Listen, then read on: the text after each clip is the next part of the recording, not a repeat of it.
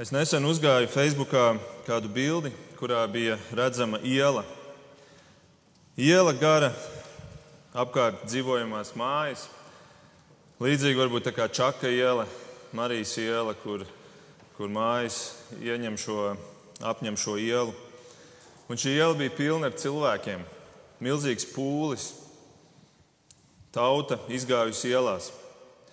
Un pūlis acīm redzot, lēnām virzījās uz priekšu pa šo ielu, bet ielas galā stāvēja autobus.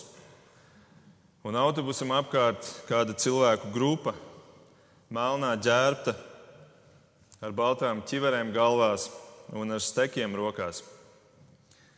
Kā jau jūs nojaušat, šī bilde ir no Minskas, un šis pūlis ir Baltkrievu tauta.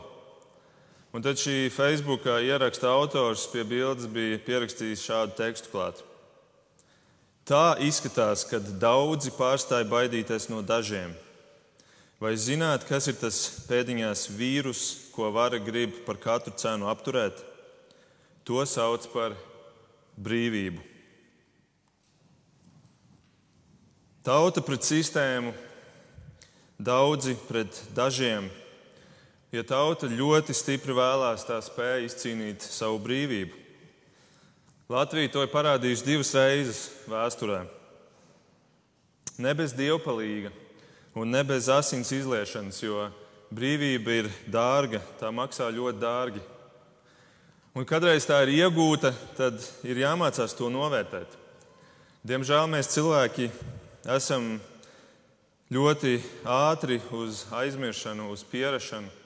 Mēs aizmirstam to, kas mums ir dots, ir īpaši, ja mēs paši neesam maksājuši sāpīgo cenu, bet kāds mums to ir darījis mūsu vietā un iedevis to mums jau kā dāvanu bez maksas. Mēs pierodam pie tā, un tādēļ cilvēkam tas ir jāatgādina atkal un atkal. Kā to var atgādināt? Viens veids, kā var atgādināt, ir uzcelt, uzsliet kādu atgādinātāju kādu atgādinātāju. Latīniski vārds atgādināt ir monēra, un no šī vārda ir cēlies vārds monuments. Un viens šāds monuments stāv mūsu valsts galvaspilsētas pašā sirdī. Šo monumentu sauc Brīvības piemineklis. Tas atgādina mums katram, ka mums ir izcīnīta brīvība un ka tā ir kaut kas ļoti dārgs, ka tā nav pašsaprotama. Tāpēc šis piemineklis ir tik liels, tas rāda uz debesīm. Un eh, šo atgādinātāju pasūtīja uzcelt tā laika premjerministrs Zigfrīds Anna Meijerovics. Viņš 1922. gadā, tātad gandrīz pirms simts gadiem, izsludināja konkursu, un tur pieteicās daudzi tēlnieki un, un mākslinieki. Un Pirmie divi konkursa apļi bija neveiksmīgi, nevarēja atrast gala uzvarētāju, bet trešajā aplī uzvarēja tēlnieks Kārlis Zāle. Un viņam piedāvājums bija projekts ar nosaukumu Mirdzi kā zvaigzne. Mirdzi kā zvaigzne. Un šis brīvības piemineklis tika celts un 1935. gadā atklāts, lai mirdzētu kā zvaigzne lai tas lietos augstu un varenā balsī tautai atgādinātu, ka mūsu tauta ir cīnījusies, lai mēs šodien varētu sevi saukt par brīviem cilvēkiem. Un šis skaistais brīvības piemineklis tiešām paceļ brīvību kā uz tāda piedestāla un visas tautas apkārt, kuras, kurām nav savas valsts vai kuras ir autoritīva režīma jūgā, kā Baltkrievi. Viņi iespējams skatās uz mums un it kā saka, ka Jūs esat brīvi, latvieši. Jūs esat brīvi. Ko jūs darat ar savu brīvību? Kā jūs izmantojat šo savu brīvību? Kā jūs lietojat to? Un atbildi šiem jautājumiem mums ir jāsniedz nevien kā latviešiem, bet arī un vēl jau vairāk kā kristiešiem. Šodienas Bībeles pantā, kuru es lasīju ievadā, ir teikts, Būdami brīvi, neizmantojiet savu brīvību kā ļaunuma aizsagu, bet esiet kā dieva kalpi. būdami brīvi. Jūs esat kā, kā mazi brīvības pieminekļi. Jūs visi, kuri šodien sēžat šeit, un visi, kuri klausaties no savām mājām, jūs esat kā mazi brīvības pieminekļi, kuri dod liecību par iegūto brīvību, kuri spīd spoži kā zvaigzne. Un Bībele saka, ka jūs, kristieši, jūs esat pasaules gaisma. Jūs esat dzīvi pieminekļi. Un kristieši ir patiesi brīvē, jo viņa kungs ir teicis šos vārdus, kurus arī Mārtiņš ievadā lasīja. Jēzus saka, ja jūs paliekat manos vārdos, jūs patiesi esat mani mācekļi, un jūs iepazīsiet patiesību, un patiesība darīs jūs kādus brīvus. Labi, tad kāds ir patiesi brīvs cilvēks? Šodienas Bībeles teksts mums atklāja četras pazīmes. Un katra no šīm pazīmēm ir mērķēta pret kādu konkrētu personu vai kādu personu grupu. Tātad mūsu brīvība atklājas tajā, kā mēs izturamies pret konkrētām personām. Tas ir tas, ko šodienas Bībeles teksts 1. pētera vēstulē mums parāda. Četras pazīmes. Pirmā pazīme - sabiedrība sabiedrība. Tad mūsu teksts saka, brīvi, būdami brīvi, esiet kā dieva kalpi, godājiet visus. Godājiet visus. Patiesi brīvs cilvēks godās visus. Godās visus, gan mazos, gan lielos, jaunos un vecos, visus nabagus un bagātus Un mēs zinām, ka tas nav viegli. Bet Bībele saka, ka patiesi brīvs cilvēks godās visus. Mums ir izaicinājums godāt dažus, cienīt jau dažus, bet te ir teikts visus. Un mēs varam jautāt, kā tu to domā, Pāvils? Visus. Godājiet visus. Visus arī, arī krievus, visus arī, arī liberāļus, homoseksuālisma atbalstītājus un tā praktizētājus, visus. Pāvils saka, godājiet visus. Bībele to saka. Bībele tādā veidā apraksta patiesi brīvus cilvēkus. Tā Bībele apraksta dieva kalpus. Izaicinoši, vai ne? Bet ko tad nozīmē vārds godājiet?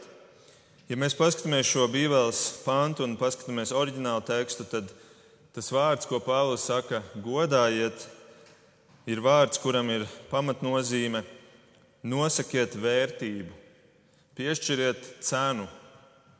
Tas ir tas, ko nozīmē vārds godāt. Tātad piešķiriet vērtību visiem cilvēkiem. Patiesi brīvs cilvēks piešķirs vērtību visiem cilvēkiem. Vērtību piešķirt kādam parasti ir īpaši grūti tad, kad tev atšķirās vērtības. Tev un šim cilvēkam atšķirās vērtības, piemēram, etniskās, vai, piemēram, mēs kā latviešiem šodien mēs svinam uh, Latvijas, Latvijas svētkus, un 18. novembrī drīz svinēsim Latvijas dzimšanas dienu. Un, uh, Mēs varam jautāt, tev kā latvietim ir jāgodā krievu tautības cilvēki. Bībeli saka, brīvs cilvēks to darīs. Manā ģimenē tēvs ir bijis četrus gadus, un mans vectēvs desmit gadus Sibīrijā. Un tie, kuri bija galvenokārt pie vainas, bija pārsvarā krievu tautības cilvēki. Kā viņus godāt? Bet Pāvils nedod nosacījumus. Godājiet visus, izņemot, un tad nosacījumu saraksts.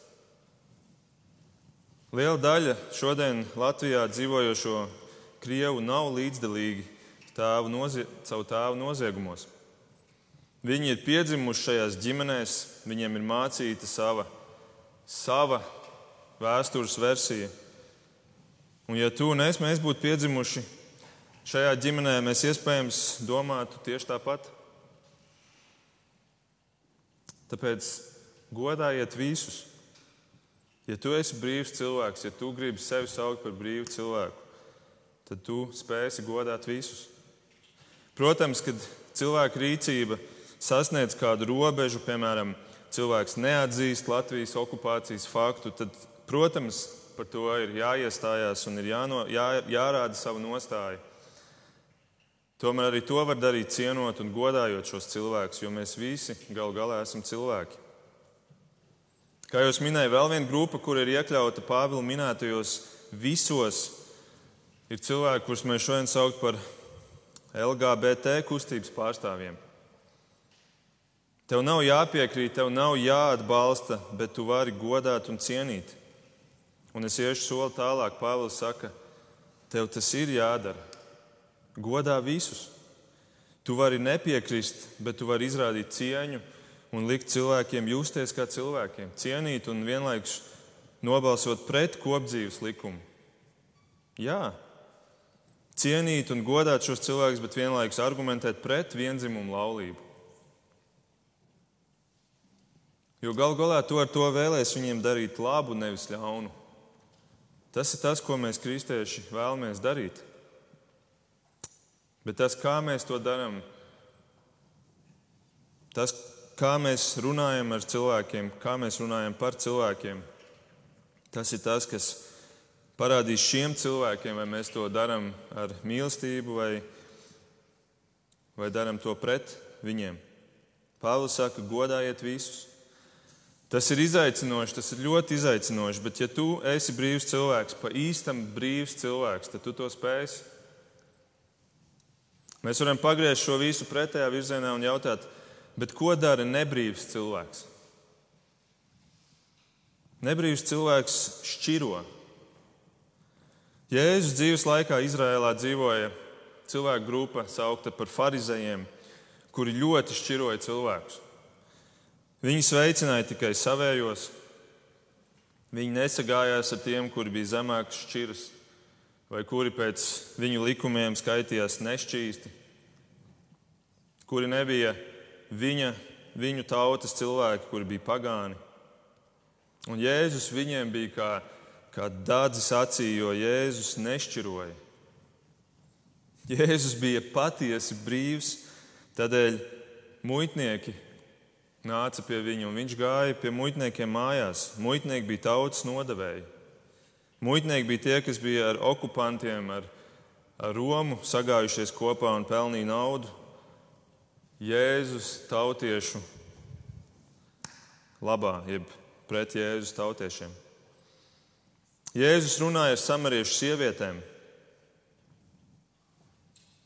Jēzus ļāva pat prostitūtām mazgāt viņu kājas. Jēzus ēda kopā ar amorāliem grēciniekiem. Jēzus tiešām godāja visus cilvēkus. Un tomēr viņam nebija visas, vis, Jēzus tomēr nepiekrita visiem viņu viedokļiem. Jēzus skaidri pateica, kur ir grēks un ej un negrēko vairs, bet Jēzus godāja un cienīja visus. Šodien, kā brīviem latviešiem, kā brīviem kristiešiem, mums ir jāuzdod šis jautājums, kā mums ar šo iet. Otrā grupa, kuru, kuru mēs lasām, kuru Pēters, es iepriekš teicu, Pāvils, atvainojos, Pēters min, ir, viņš saka, mīlēt ticības brāļus. Ja tu esi pa īstam brīvs cilvēks, tu mīlēsi draugu. Tu mīlēsi draugu, tu mīlēsi brāļus un māsas Kristu. Un atkal mēs varam paskatīties, kas ir tas darbības vārds oriģināla tekstā. Šeit ir teikts mīlēt.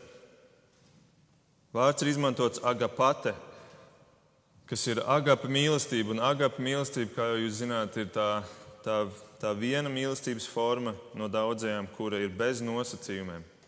Bez nosacījuma mīlestība.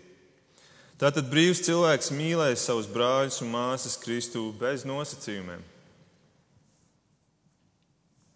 Un beznosacījuma mīlestības pats pamatlīmenis, pati vienkāršākā forma ir vēlme būt kopā ar viņiem. Ja tu mīli kādu cilvēku, tu vēlēsies būt kopā ar viņiem. Tikties. Tad, kad es sāku draudzēties ar savu sievu, es gribēju katru dienu būt ar viņu kopā. Es dažreiz vēl at, atgriezos savā mājās, jo es pēc skolas devos pie viņas un gribēju pavadīt laiku ar viņu. Un beznosacījuma mīlestība radīs tev vēlmi būt kopā, būt kopā ar draugu. Tādēļ īsti brīvais cilvēks, īsti brīvais kristietis vēlēsies būt sadraudzībā ar citiem kristiešiem, būt draudzēm. Un tad, kad tu esi draudzē, tad arī tu sāc just un ieraudzīt tās vajadzības, kur vajag sniegt roku un palīdzību, un kur var dot šo mīlestību jau tālāk visās pārējās formās un visos pārējos līmeņos, bet pamatlīmenis ir būt kopā.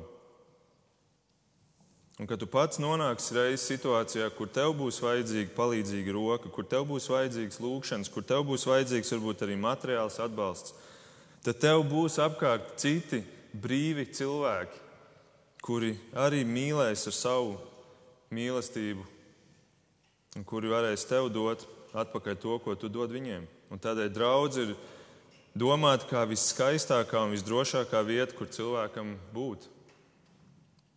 Vieta patiesi brīviem. Bet atkal jautājums, ko dara nebrīvs cilvēks? Nebrīvs cilvēks nošķirās, viņš dzīvo viens, viņš ies savu, savu ticības ceļu, savā individuālajā gaitā. Viņš iespējams kaunēsies par citiem kristiešiem.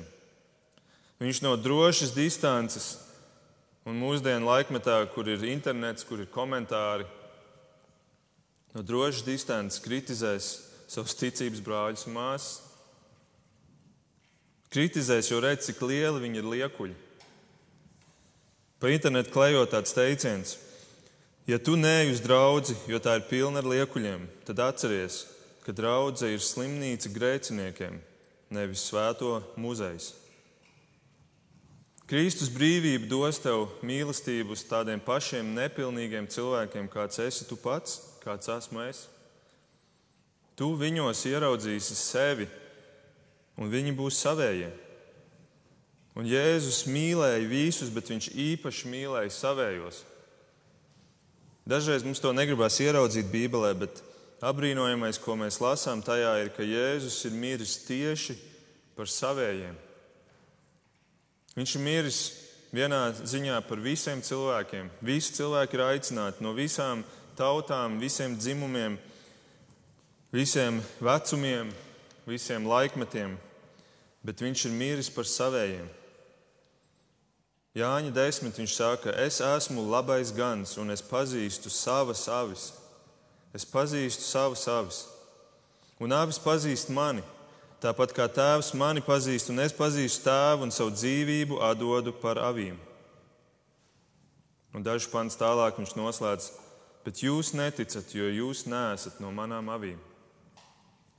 Kristus mīlēja savus ticības brāļus un māsas ar šo agapu mīlestību, ar mīlestību, kas bija bez nosacījumiem, ar mīlestību, kas aizved viņu līdz pat nāvei. Tā Jēzus mīlēja un joprojām mīl savējos. Viņš bija patiesi brīvs cilvēks. Viņš bija patiesi brīvs cilvēks, jo mīlēja ar beznosacījumu mīlestību. Kā tev un man iet ar šo mīlestību pret brāļiem un māsām? Ir tik viegli ieraudzīt tos trūkumus, tik viegli kritizēt. Bet vai viņi tev ir īpašāki nekā pasaules draugi. Trešā pazīme, kuru Pēters dod, ir, viņš saka, bīstieties Dieva. Mums bija sabiedrība, mums bija kristieši, un tagad patiesi brīva cilvēka status būs ieraugāms tad, kad mēs paskatīsimies, kāda viņam ir attieksme pret Dievu. Patiesi brīvs cilvēks bīstās dieva. Ko nozīmē vārds bīties? Atkal, paņemot oriģinālu tekstu, mēs redzam, ka šis vārds ir ļoti interesants, patiesībā ļoti provokatīvs. Tas vārds ir fobeiste, kas ir no saknes fobija. Fobija no dieva. Fobija no dieva bailes no dieva. Latviešu valodā mēs izdalām vārdus bailes no vārda bijība.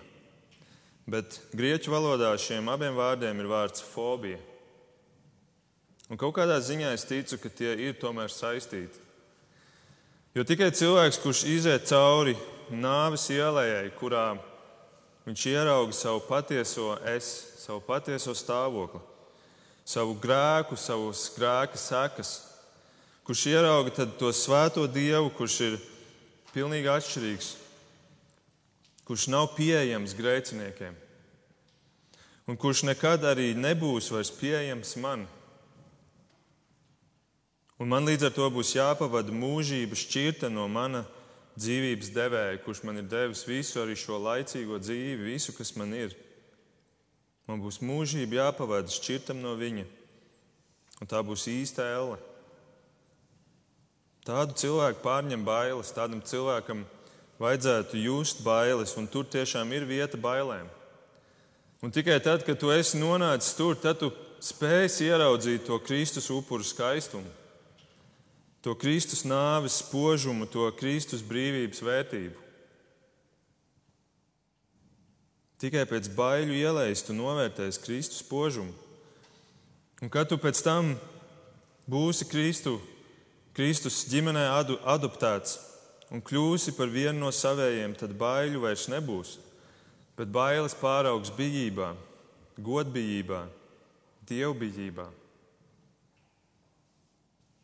Saprotiet, man pareizi, nebūs tā, ka cilvēks pēkšņi būs sapratis, es esmu izglābts, un tagad Dievs ir kļuvis man par čomu. Dievs man ir kļuvis par manu vēlmju piepildītāju. Dievs ir kļuvis man par manu kalpu. Nē, viņš joprojām būs tas visvarenais, tas svētais, svētais, svētais. Es esmu. Joprojām tikpat bijājams tavu acu priekšā kā to dienu, kad tu stāvēji nāves ielā. Bet viņš nebūs mainījies, jo viņš nemainās. Tu būsi mainījies, tu būsi kļuvis par brīvo bet kā brīvais tu bīsies Dievu. Tā būs tava attieksme pret Dievu. Lai saprastu šo, sakal vēlos pagriezt to pretēji un, un uzdot jautājumu, ko tad dara nebrīvs cilvēks? Kāda izskatās nebrīva cilvēka attieksme pret Dievu? Nebrīvs cilvēks sevi redz lielāku nekā Dievu. Viņš varbūt to neatzīs, bet viņa dzīve to parādīs, jo viņš uzskatīs, ka Dievs ir radījis šo pasauli viņa dēļ. Viņš uzskatīs, ka Dievs ir radījis viņu savai izpriecei. Viņš uzskatīs, ka Dievs visu dzīvi ir lūdzies, lai viņš sāk ticēt viņam. Gan drīz vai kā tāda aina, kurā Dievs ir nometies tavu ceļu priekšā, tavā priekšā ceļos un lūdz, tici man! Tad tu esi lielāks nekā viņš. Tu esi šīs dzīves un pasaules centrā, bet viņš stāv blakus un, un lūdzās. Diemžēl šī nostāja mūsdienās ir ļoti populāra kristietībā. Šī, kurā dievs ir mazāks, cilvēks ir liels, un cilvēka pašpārliecinātība un tas ego tiek, tiek uh, kačāts un pumpēts lielāks. Tā ir uz cilvēku mērķēta ticība, tā ir cilvēku izdomāta, tā ir uz cilvēku pašapziņu mērķēta ticība.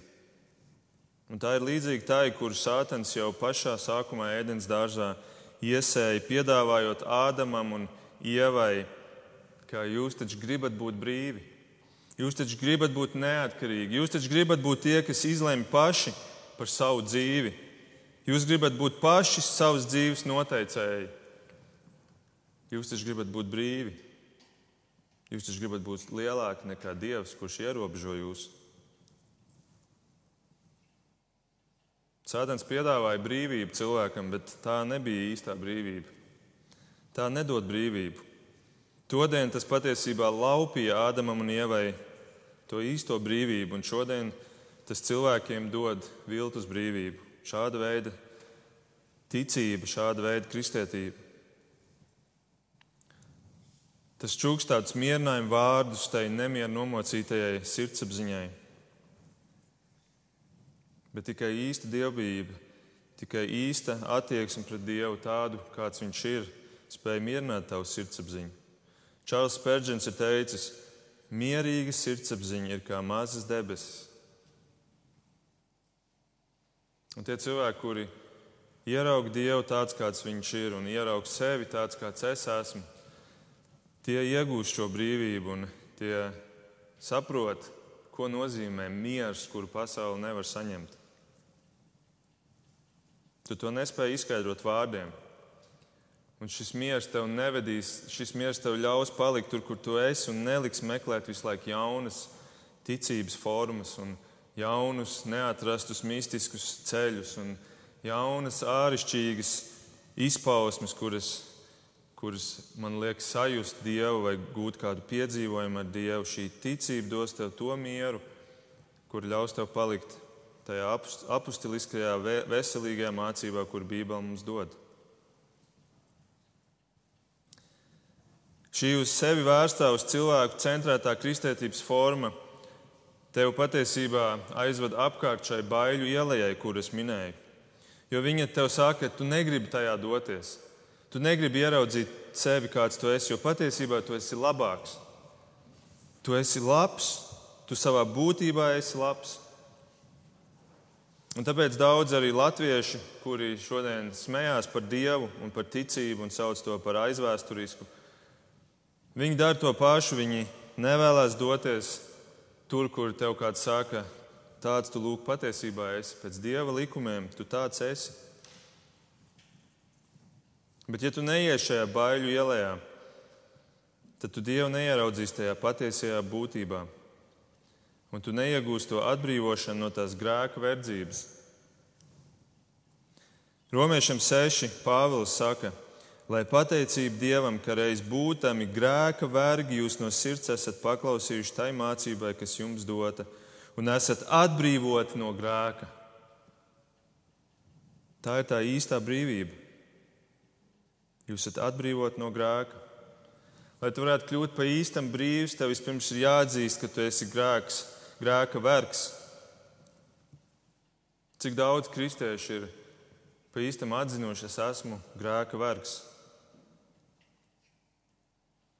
Nevis, ka es esmu jau bijis brīvs cilvēks, un es esmu pieņēmis Jēzu kā papildinājumu savai dzīvei, kur jau tāpat ir bijusi laba. Tev vispirms ir jāatzīst, tu esi grēka vergs, nevis brīvais. Un tad tu vari kļūt brīvs. Tev jāatzīst, tu esi mazs, tu esi nepietiekams, tev ir pamats bailēm, un tikai tad tu varēsi kļūt par īstam brīvs. Un tava brīvība stāsies vietā, kur iepriekš ir stāvējusi verdzība. Ziniet, par brīvības pieminekli. Viņš ir uzcelts vietā, kur iepriekš stāvēja Pētera lielā piemineklis. Tieši tajā pašā vietā. Piemineklis, kas savā veidā mums parādīja, kam mēs esam padoti, kam mēs esam vergi. Viņš tika nojaukts un tajā vietā tika uzcelts mūsu šodienas brīvības piemineklis. Arī mūsu brīvība, kur iegūstam caur Kristus nāvi un šo Kristus upuru un asins izliešanu, tiek uzcelt vietā, kur iepriekš ir stāvējusi grēka verdzība. Bet tu tikai tad varēsi būt pa īstam brīvs, ja tu viņu tiešām uzcelsi tur. Kamēr tu domā, tu esi labs cilvēks, tu uzcelsi vienu viltus brīvības pieminiekli, bet blakus joprojām stāvēs tavs verdzības piemineklis, kuram tu patiesībā kalposi. Īsta brīvība ir tad, kad tu atzīsti, kāds tu esi. Un tad tev ir vajadzīgs Jēzus Kristus, un tad viņš tevi spēja darīt brīvu. Un Jāņa 8. Jēzus saka, ja nu dēls jūs atbrīvos, jūs patiesi būsiet brīvi. Tāda ir, tāds ir ceļš uz bīšanos, uz dievu bīšanos. Tikai patiesībā tikai un vienīgi kristieši, tikai un vienīgi kristieši ir pa īstam brīvi cilvēki. Tāpēc, ka tikai tad, kad dēls jūs atbrīvos, jūs patiesi būsiet brīvi. Viņi ir pa īstam brīvi cilvēki, un viņi to atklāja, godājot visus cilvēkus, mīlot kristiešus, bīstoties Dieva, un pēdējā pazīme ir godiniet ķēniņu. Godiniet ķēniņu, godiniet savas valsts ķēniņu, godiniet savas valsts kungu, kungus. Tam, kurš bīsies dieva, tātad mūži, šo mūžīgo ķēniņu kungu, tas spēs arī bīties laicīgos kungus. Pēters saka, tā dara patiesi brīvais cilvēks. Atkal, bet kā tad dara nebrīvs cilvēks? Ko viņš dara? Viņš apzog valsti, viņš ņem, bet negrib dot. Un, ja tu tā vari dzīvot, ja tā vari izturēties pret savu laicīgo kungu, tad ko tas liecina par tavu attieksmi pret to mūžīgo kungu? Pēters saka, klausi ķēniņu. Un Jēzus saka, dod Cēzaram, jeb ķeizaram to, kas viņam pienāks. Un nav pat svarīgi, vai viņi ir godīgi vai nav. Mēs vienmēr atradīsim veidus, kā, kā valsts vara apzog tautu. Bet nav pat svarīgi, vai viņi ir vai nav godīgi, vai viņi ir vai nav taisnīgi pret tevi. Klausi kungiem, arī ļaunajiem. To Pēters pēc šiem pantiem diviem saka nākamajos. Viņš saka, arī Kristus ir pacietis netaisnību. Kalp, lai visā bijībā pakļaujas saviem kungiem, ne tikai labajiem un laipnajiem, bet arī nelietīgajiem Jo tā ir Dieva žēlastība, ja kāds netaisnīgi ciestams panes bēdas, apzinoties Dieva klātbūtni. Kamēr tev ir labi kungi un tu viņiem kalpo, tikmēr tu to Dieva klātbūtni tik ļoti pat nejutīsi. Bet, tad, kad tev ir netaisnīgs kungs un tu viņam dosi tomēr to godu, kuru Bībele prasa no tevis, tad tu sāksi just to Dievu klātbūtni. Un, ziniet, pat ja tu negribi cilvēcisku iemeslu dēļ klausīt likumam, tad dari to Kristus dēļ. Jo mēs šeit lasām, ka Kristus pacieta netaisnību daudz lielāku nekā tu jebkad varētu paciest savā Latvijas valstī. Klausi likumu godiņu ķēniņu. Un tā nu apkopojot, brīvs cilvēks ciena visus cilvēkus sabiedrībā. Brīvs cilvēks mīl draugus cilvēkus. Brīvs cilvēks pa īstam bīstās dieva. Un brīvs cilvēks ievēros likumus un godinās ķēniņu.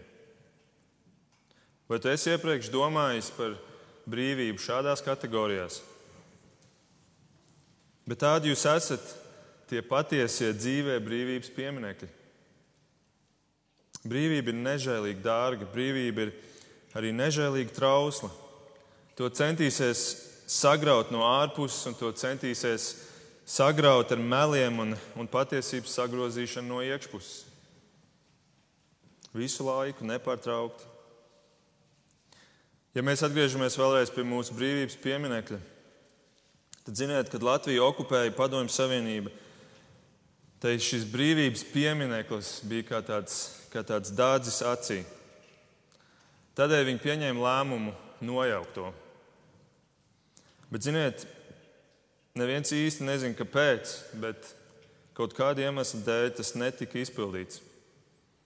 Viena versija ir, ka tur viena, viena krievu mākslinieca iestājās pret to, jo viņa teica, ka brīvs piemineklim ir ļoti augsta mākslinieciska vērtība. Iespējams, ka viņi nobijās no tautas potenciālas sacelšanās, bet katrā ziņā viņi nenojauca, kaut arī bija pieņēmuši tādu lēmumu. Viņi samierinājās ar pieminiektu saglabāšanu, bet tā vietā viņi pārdefinēja tās simboliku nozīmi. Mildes rokās turētās trīs zvaigznes, kas simbolizēja trīs tālaika novadus - kurzemi, vidzemi un latgali. Viņi pārsauca par trīs Baltijas padomju republikām Igaunijas, Latvijas un Lietuvas padomju Socialistiskās republikas. Un Milda pārtepa par māti Krieviju. Māte Krievija turēja šīs trīs Baltijas valstis savās rokās. Un ar šo izkropļošanu vien nepietika, ka padomju vāra izdarīja vēl kaut ko.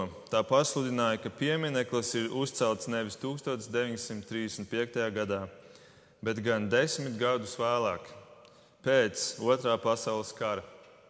Tātad 45. gadā, kā tautas pateicība par Baltijas valstu atbrīvošanu no fašistiem, kā pateicība padomju līderim Josifam Staļinam. Redzēt, tāpat ir arī mums, brīvības nesējiem, kristiešiem. Mēl tēvs sātens meklē veidus, kā apmānīt, kā to īsto dārgo noviltot, lai tikai aizvestu cilvēkus pie tās viltus brīvības. Bet Kristus atbrīvotie, Kristus veidotie brīvības pieminiekļi pastāvēs līdz galam. Arī mūsu Latvijas brīvības piemineklis pastāvēja cauri visai šai Padomju Savienības ērai līdz galam, tas nezaudēja savu brīvības simbolu statusu tautas acīs tieši pretēji. Pie tā, pie šī brīvības pieminekļa tauta sāka atkal vienoties kopīgam mērķim - brīvības atgūšanai. Tieši pie brīvības pieminekļa 1987. gada 14. jūnijā ap 5000 cilvēku, drosmīgu cilvēku, arī mans minētais tēvs un vectēvs bija šo cilvēku starpā sapulcējās, lai noliktu ziedus. Un šis notikums tiek uzskatīts par trešās atmodas aizsākumu. Trešās atmodas aizsākumu, kas trīs gadus vēlāk kulminēja Latvijas suverenitātes atjaunošanā. Varbūt Covid laiks ir pateicīgs, lai tu nākamajā nedēļā, kādā klusā dienā, kādā klusā brīdī, aiziet pie šī brīvības pieminiekļa un eh, nolikt varbūt ziedu. Varbūt tu to nekad neesi darījis, bet šis klusais laiks ir laba iespēja, kur varbūt aiziet un nolikt ziedu klusām, bez lielas ceremonijas, bez pūļa. Aiziet un pateikt paldies visiem tiem, kuri ir devuši savus dzīves kur devuši savu visam savu dzīves komfortu, un kur ir lējuši asins, un kur pat devuši savus dzīves, lai Latvija šodien būtu tāda, kā tā ir, brīva. Bet vēl vairāk, lai pateiktu paldies Dievam. Nevien par Latviju, bet pateikt paldies Kristum, kurš ir devis savu debesu komfortu, kurš ir lējis savus asins un kurš ir devis savu dzīvību, lai tu šodien būtu brīvs. Un, ja tu to izdarīsi, ja tu aiziesi pie šī brīvības pieminiekļa, tad zini, ka tur, tajā brīdī, satiksies divi brīvības pieminekļi. Lūksim Dievu. Debes Tēvs, paldies par šo, šo dārgi izpirkto dārgi samaksāto brīvību. Garīgo brīvību visu pirms, kungs, kuru mēs esam ieguvuši Kristū, kurš vienīgais var darīt brīvu cilvēku, pa īstam brīvu. Bet paldies arī par šo laicīgo brīvību, kur, kurā mēs šodien varam atrasties, kura joprojām ir tik trausla. Palīdz mums to novērtēt un lūdzu palīdz mums katram ieraudzīt, ko mēs varam darīt, lai Lai mēs pateiktu ne tikai paldies Tev un tiem, kuri ir aizgājuši un devuši savu dzīvi šai brīvībai, bet ko mēs varam darīt šodien, lai mēs stiprinātu to. Lūdzu, dod mums gudrību, dod lūdzu mums pateicību un māc mums bīties Tevis, jo no tā sākās visas pārējās svētības dzīvē. To mēs lūdzam Jēzus vārdā. Amen.